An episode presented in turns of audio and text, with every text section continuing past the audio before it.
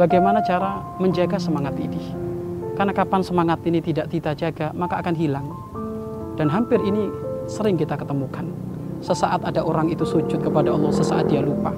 Sesaat ada orang saat itu membaca Al-Quran, sesaat lupa. Kenapa kok seperti itu? Karena dia belum menjaga semangat yang diberikan oleh Allah kepada dirinya. Lalu bagaimana cara menjaga semangat ini? Para ulama menyebutkan menjaga semangat mendekatkan diri kepada Allah dengan dua hal. Satu, berpaling dari orang-orang yang bermaksiat kepada Allah Subhanahu wa taala. Tidak ada perlunya kita berkumpul-kumpul dengan mereka. Ulama menyebutkan bahwasanya kapan orang berkumpul dengan orang jualan minyak wangi akan ikut wangi.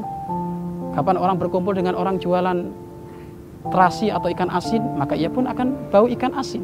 Maka kembalilah semuanya untuk menjaga rasa semangat ini untuk mendekatkan diri kepada Allah Subhanahu wa taala dengan berpaling daripada orang-orang yang tidak baik.